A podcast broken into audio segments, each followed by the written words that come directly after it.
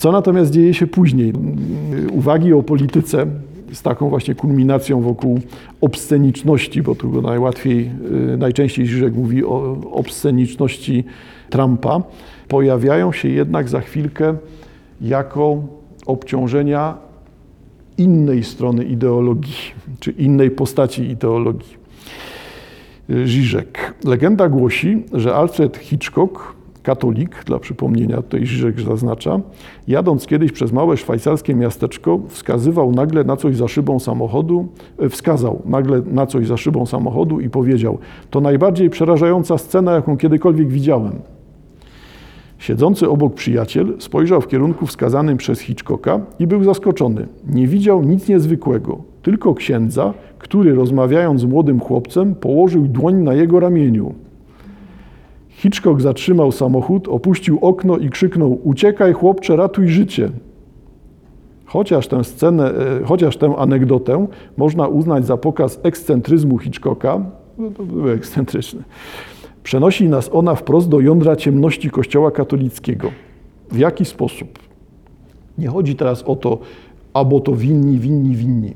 To znowu byłoby za proste. Robienie takiej listy, robienie takiej listy faktów to byłaby raczej robota no, dziennikarska.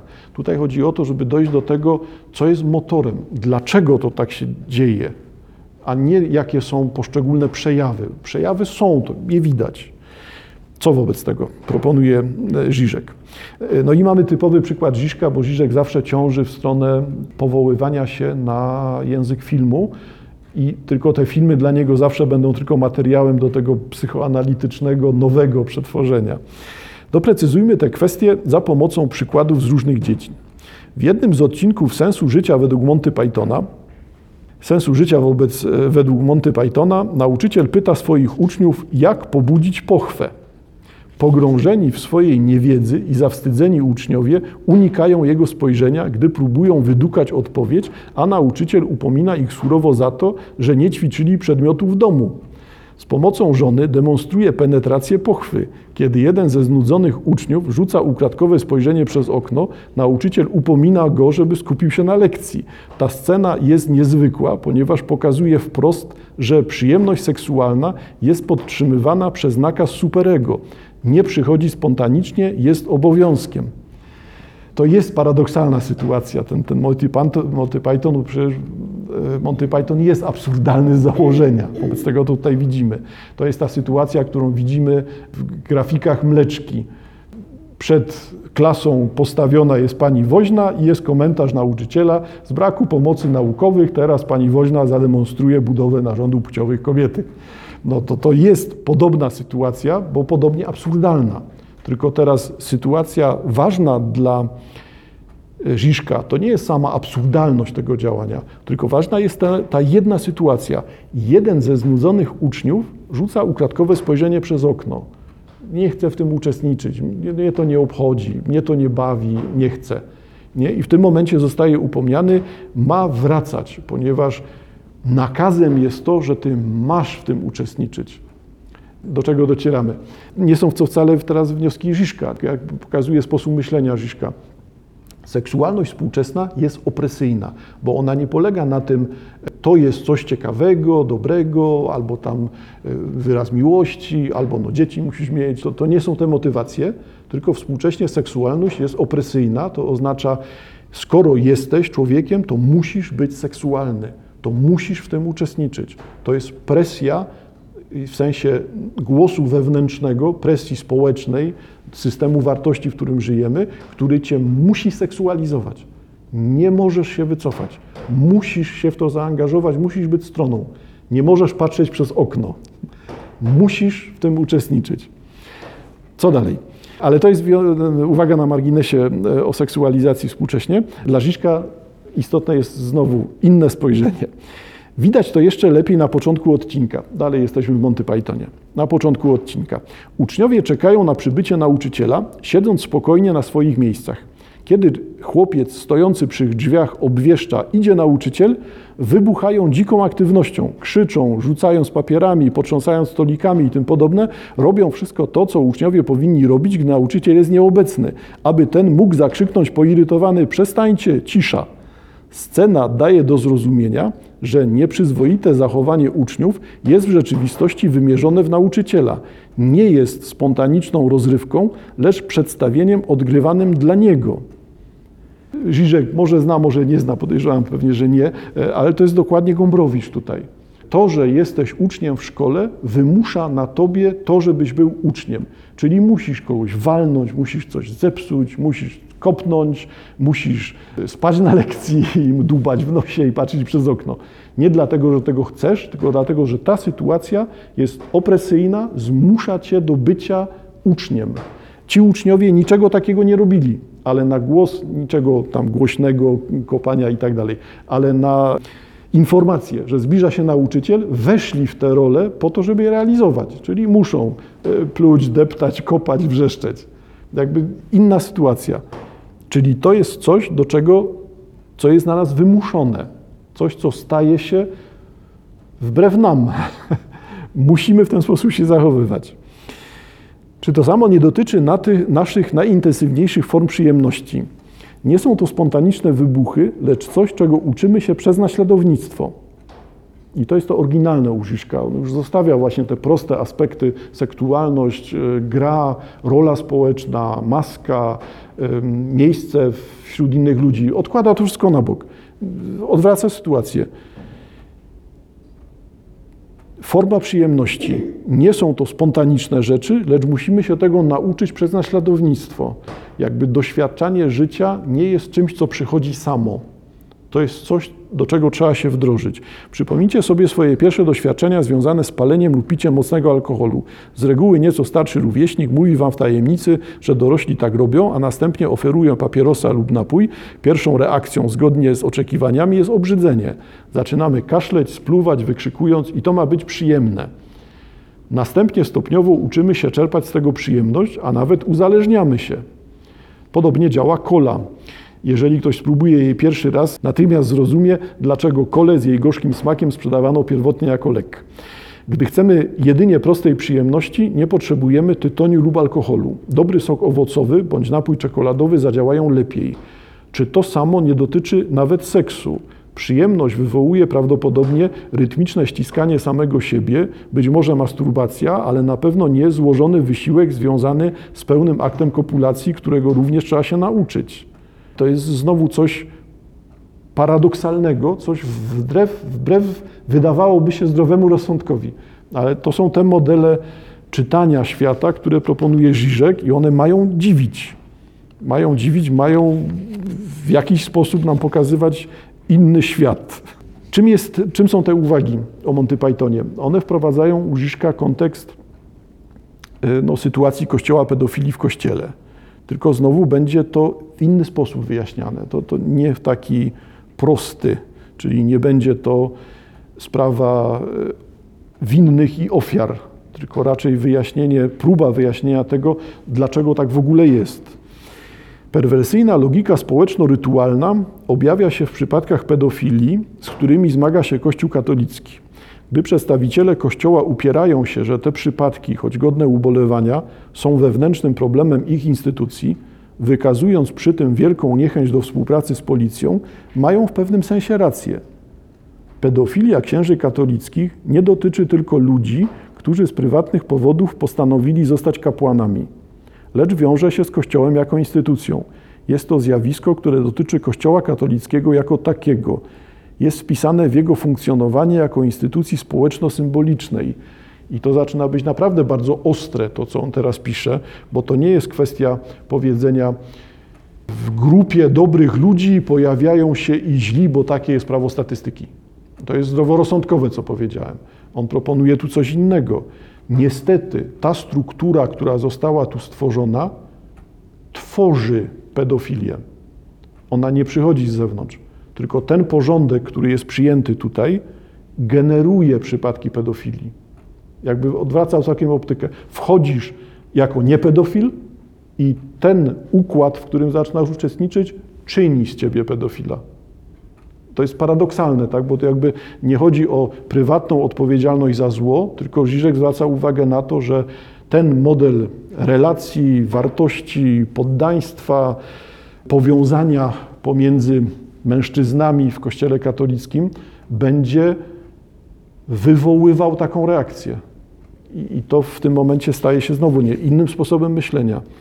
Czyli chodzi o instytucję społeczno-symboliczną, jaką jest Kościół.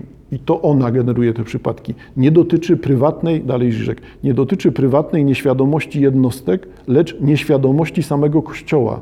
Wobec tego nie chodzi o to, że to są wynaturzenia osób, chodzi o to, żeby zrozumieć, co złego w tych relacjach, w tej strukturze, w tej grupie społecznej wywołuje tego typu przypadki, tworzy pedofilii.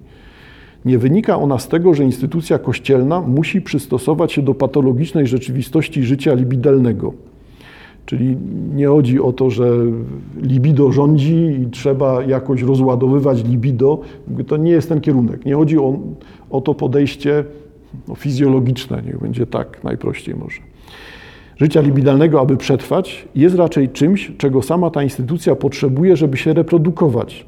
Można sobie wyobrazić księdza nie będącego pedofilem, który po latach służby kapłańskiej oddaje się aktom pedofilskim, ponieważ uwodzi go logika samej instytucji.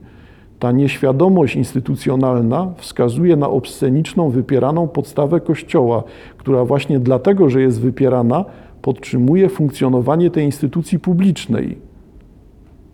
Czyli nie chodzi o nieświadomość czy też osobiste, prywatne zło osób należących do instytucji, tylko raczej chodzi o to, że instytucja posiada nieświadomość, którą zaraża, przenosi, wywołuje w ludziach. No i to jest ten przykład, wszedł jako niepedofil i nagle się okazuje, że ulega presji, jest to tworzone w nim. Tylko znowu nie chodzi o taki prosty język socjologów, tylko tu raczej chodzi właśnie o te oddziaływania nieświadome. Nie? Jesteśmy w języku tej nowej psychoanalizy. Inny przykład. W armii taką podstawą są obsceniczne, seksualizowane rytuały podtrzymujące solidarność grupową. Czyli na czym polega to, że armia też jako to środowisko, no jednak skrajnie męskie, też nie używa tego samego, czyli tego języka, który jest seksualny w znaczeniu e, relacja pomiędzy osobami w armii jest relacją, no cóż, panowania, zdobywania, czynienia sobie innego mężczyzny służącym, no i te relacje ulegają też seksualizacji, nawet jeżeli nie chodzi o to, że e, wszyscy uprawiają homoseksualizm w armii, nie mówię tego, to mówię o tym, że sama struktura relacji polegająca na tym, że ja jako stary żołnierz mogę cię kopnąć młody i ty tam weź i wylisz schody, bo tak ci każę. No znowu skrajny przykład falowy, który pewnie już oby nie istnieje, e, ale chodzi o ten typ relacji. Wobec tego ten typ relacji bardzo ostrej występowałby też w instytucji Kościoła. Innymi słowy, to nie jest tak, że Kościół próbuje ukryć zawstydzające skandale pedofilskie z powodów czysto konformistycznych. Czyli to nie jest tak, zamieść pod dywan, żebyśmy o tym nie mówili, bo tak jest wszystkim wygodniej. Żyżek proponuje coś innego. W rzeczywistości Kościół broni swojej najskrytszej, obscenicznej tajemnicy. Oznacza to, że identyfikacja z tą tajną stroną instytucji jest kluczowym elementem tożsamości chrześcijańskiego kapłana. Jeśli kapłan poważnie nie tylko retorycznie potępia te skandale, to tym samym wyklucza się ze wspólnoty kościelnej. Nie jest już jednym z nas. I tu jest to, to szokujące stwierdzenie Żyżka, że przynależność do tej struktury, chęć przynależności, wpisanie się w tą strukturę, akces do tej struktury, do tej grupy oznacza, że musisz być jednym z nas, znaczy musisz uznać najistotniejsze wiążące nas zasady, a tą jedną z tych zasad byłoby to, że jesteśmy pedofilami. Wobec tego, należąc do tej, wybierając tą przynależność, musisz zadeklarować bycie pedofilem. No, oczywiście skrajne i oczywiście zbyt znowu wyglądające jak wkładanie tego kija w browisko, ale odwraca uwagę naszą, taką, którą przykuwają nam media głównych nurtów. Że tutaj chodzi o to, że e, albo źli są kapłani, niektórzy, albo źli są biskupi, niektórzy, albo wszyscy najstarsi biskupi, bo tu różne opowieści tu pojawiają, e, ale reszta gra. A tutaj Żyżek zwracałby uwagę na to, że nawet jak wymienimy wszystkich tych ludzi, i biskupów, i kapłanów, to sama ta struktura odrodzi się w postaci też pedofilskiej. Większej, mniejszej części, ale dalej się odrodzi, bo to sama struktura, sama instytucja generuje taką nie, no co, nieprawdziwą relację. Czyli nie jest jednym z nas. E, na podobnej zasadzie mieszkaniec amerykańskiego południa w latach 20. XX wieku, który doniósł policji na Ku Klux Klan, wykluczał się ze swojej społeczności. To jest zdradzał jej podstawową solidarność. Jeżeli jesteś białym na południu Stanów Zjednoczonych 100 lat temu i nie podoba ci się Ku Klux Klan i powiesz, ten mój sąsiad i tamten należą do Ku Klux Klanu idziesz na policję zeznać, to jednocześnie przestałeś być biały. I to jest reguła, która tutaj działa.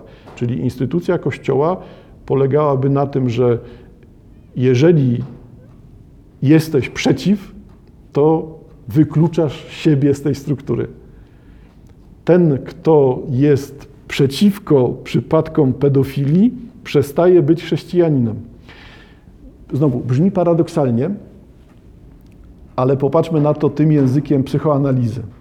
Czy to nie jest przypadkiem tak, że, znaczy nie przypadek, bez słowa przypadek, e, czy to nie jest tak, że ludzie nie chcą zabierać głosu, ludzie w sensie świadkowie, uczestnicy, inni chrześcijanie, nie chcą zabierać głosu na temat, czy stanowiska swojego określać e, na temat przypadków pedofilii, ponieważ wiedzą, że sam fakt zabrania głosu w tej sprawie wyklucza ich ze społeczności Kościoła, czyli przestają być chrześcijaninami. Bo, bo to, że Żyżek tutaj się powołuje na pedofilię, nie oznacza to, że pedofilia jest jedynym problemem Kościoła, tylko raczej zwraca uwagę na to, jak między innymi pedofilia jak i szereg innych rzeczy, typu bogactwo, nie wiadomo skąd wzięte duchownych, czy też życie w związkach z jedną czy wieloma kobietami, e, czy też dzieci z nieprawego łoża. To jest totalny archaizm, to nieprawe łoże. No to to wszystko też należy do tej samej struktury, nie? jest przejawem tego samego zjawiska. Wchodząc w tą strukturę, musisz zaakceptować komplet, w tym pedofilię. I to jest jakby nierozdzielane. Więc musisz przyjąć, że są takie właśnie reguły gry. No, jest to coś zaskakującego. Już na zakończenie, tylko przywołując jeszcze raz Ziszka. Ta wewnętrzna sprzeczność leżąca u podstaw tożsamości Kościoła czyni go dziś główną siłą antychrześcijańską, czyli ta sprzeczność, to rozdarcie w Kościele. Legenda głosi, że kiedy w 1804 roku papież podszedł do Napoleona, aby nałożyć mu koronę cesarza, ten odebrał ją z papieskich rąk i zrobił to sam. Papież skomentował ten gest słowami: Wiem, że Twoim celem jest zniszczenie chrześcijaństwa, ale uwierz mi, panie, poniesiesz porażkę. Kościół stara się to zrobić od dwóch tysięcy lat i wciąż mu się nie udaje. Jako podsumowanie tego, że autodestrukcja, jakby ten, ten, ten, ta siła, zła, która istnieje w Kościele, jest czymś, co z jednej strony niszczy Kościół, a z jednej strony ten Kościół jednak jest trwały. Znowu myślenie paradoksami, no bo nagle docieramy do wniosku, że na czym to jest oparte. Nie ma powodu, aby cieszyć się tym smutnym faktem. Chrześcijaństwo, chrześcijańskie dziedzictwo jest zbyt cenne i to teraz warto podkreślić. Żyżek nie jest ateistą, zniszczyć Kościół, a chrześcijaństwo jest złe. Nie jest. Po prostu tego tu nie ma. Nie ma powodu, aby cieszyć się tym smutnym faktem. Chrześcijaństwo i dziedzictwo jest zbyt cenne i w dzisiejszej sytuacji istotniejsze niż kiedykolwiek wcześniej. Thomas Stearns Eliot w swoich uwagach ku definicji kultury zauważył, że są chwile, gdy jedynym wyborem są herezja i brak wiary, gdy jedynym sposobem na utrzymanie religii przy życiu jest sekciarskie odłączenie się od głównego nurtu. To właśnie należy zrobić dzisiaj. I to jest przykre to, o czym mówi Żyżek, ale, ale do takiego wniosku dochodzi. Z jednej strony chrześcijańskie dziedzictwo jest zbyt cenne, żeby cokolwiek tutaj tracić, a z drugiej strony nie można uczestniczyć w strukturze. Jak się w tym znaleźć? Że nie odpowiada nam struktura, odpowiada nam chrześcijaństwo, ale nie ma chrześcijaństwa bez instytucji. Są takie przypadki, ale tego masowego nie ma. No, wobec tego, co pozostaje? Tworzenie sekty, odejście niby on pisze, że to jest właśnie jedyne wyjście. No ale jednocześnie, czy to jest zasadne? Znaczy, no w ślad za Eliotem oczywiście. Eliot, który stwierdza, że jedynym wyborem jest herezja i brak wiary, gdy jedynym sposobem na utrzymanie religii przy życiu jest sekciarskie odłączenie się. To jest znowu ten świat paradoksu, coraz bardziej kłopotliwy i coraz trudniejszy, bo jeżeli e, uznamy, że współcześnie jedynym sposobem na bycie człowiekiem wiary jest wyjście z wiary, to jest paradoks. Że jedynym sposobem na bycie chrześcijaninem jest deklaracja, że nie jest się chrześcijaninem. To jest coś, co powinno być bardzo uderzające. Tego tym drugim rozwiązaniem tutaj e, u Eliota e, jest świadomość herezji. Te struktury istniejące polegają na tym, że one wymuszają zadeklarowanie tego, że uznajemy wspólnotę wierzących. Jeżeli nie uznajesz tej wspólnoty wierzących, no to nie jesteś chrześcijaninem. I dlatego, jeżeli jednak wbrew temu wykluczeniu chcemy być chrześcijaninami, nagle się okazuje, że jesteśmy heretykami. Tworzymy sektę. Jesteśmy y, odłamem, czymś, co jest poza systemem.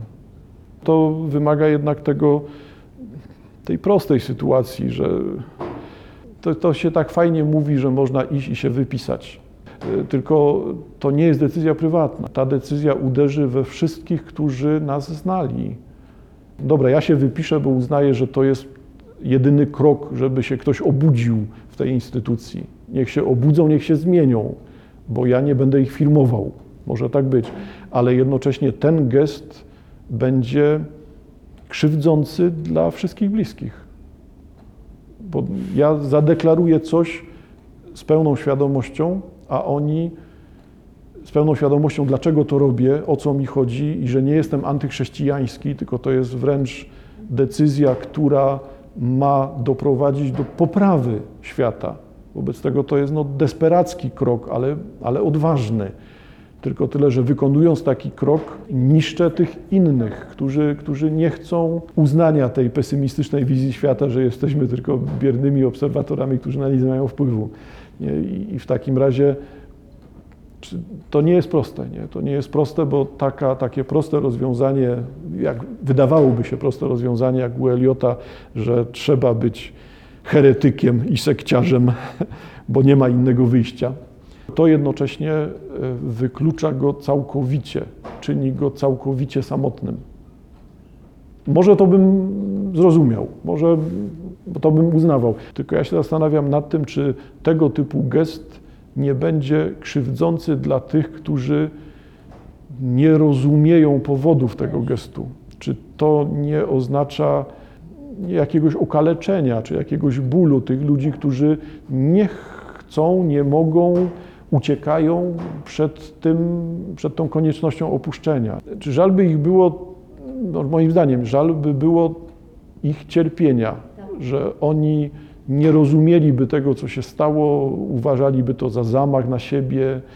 I teraz, jeżeli na to tak popatrzymy, to jest też zrozumiałe, dlaczego ludzie tak emocjonalnie współcześnie reagują na wszystkie głosy związane z religią, czy dotyczące religii, no bo oni bronią swojego komfortu życia. Oni chcą mieć coś, co jest dobre, pewne, sprawdzalne. Ja rozumiem tą reakcję, że jeżeli cokolwiek pokażemy tam, no to oni to wyprą. No nieprawda, to jest kant, to jest oszustwo, to tylko tam jedna partia przeciwko drugiej coś rozgrywa, po to, żeby utrzymać sobie ten komfort. Są rzeczy, które się nie zmieniają, są rzeczy pewne, są ideały, które nie ulegają w żaden sposób zniszczeniu, zmianie, weryfikacji. Tylko tyle, że ludzie tego nie chcą. Nie? Zmiana jest zawsze zła. Trzeba mieć świat, który jest poukładany raz na zawsze. Cokolwiek zmieniamy w świecie jest, jest rzeczą przykrą. Może, może tak być, że w końcu jak wszyscy wyjdą i kościoły staną się puste, to zacznie się pojawiać chrześcijaństwo pierwotne, ewangeliczne, niech będzie tak. Tylko tyle, że no, znowu gigantyczne, gigantyczne tematy, bo one no właśnie w tym, co powiedziałem przed chwilą, już zawierają szereg paradoksów. Jeżeli popatrzymy na ewangeliczne chrześcijaństwo, docieramy do tego miejsca, w którym kiedy, kiedyś byliśmy, gdzie tam jest coś prawdziwego, gdzie jest coś oryginalnego, gdzie w ogóle jest coś, co jest jedyne niepowtarzalne. Zaczyna to wszystko się rozmywać.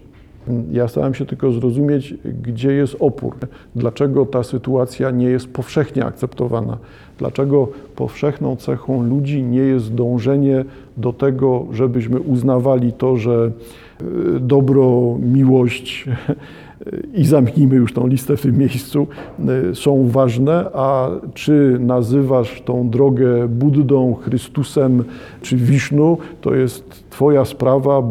I teraz ja rozumiem taką racjonalność, tylko tyle, że wiem też, że z punktu widzenia każdej religii, i przesiadamy się z punktu widzenia każdego kapłana katolickiego, ja w tym momencie przestałem być katolikiem. Dlatego, że religie muszą się odróżniać. One nie mogą dążyć do zacierania różnic, tylko istotą religii jest to, że musi kurczowo trzymać się odmienności. Cechą też części ludzi, bo nie tylko kapłanów, będzie właśnie to. Umrzemy za żegnanie się trzema palcami. Tak, albo za to, czy najpierw dotykasz tego ramienia, czy tego ramienia. I to cię będzie, tak, ale to cię będzie budować.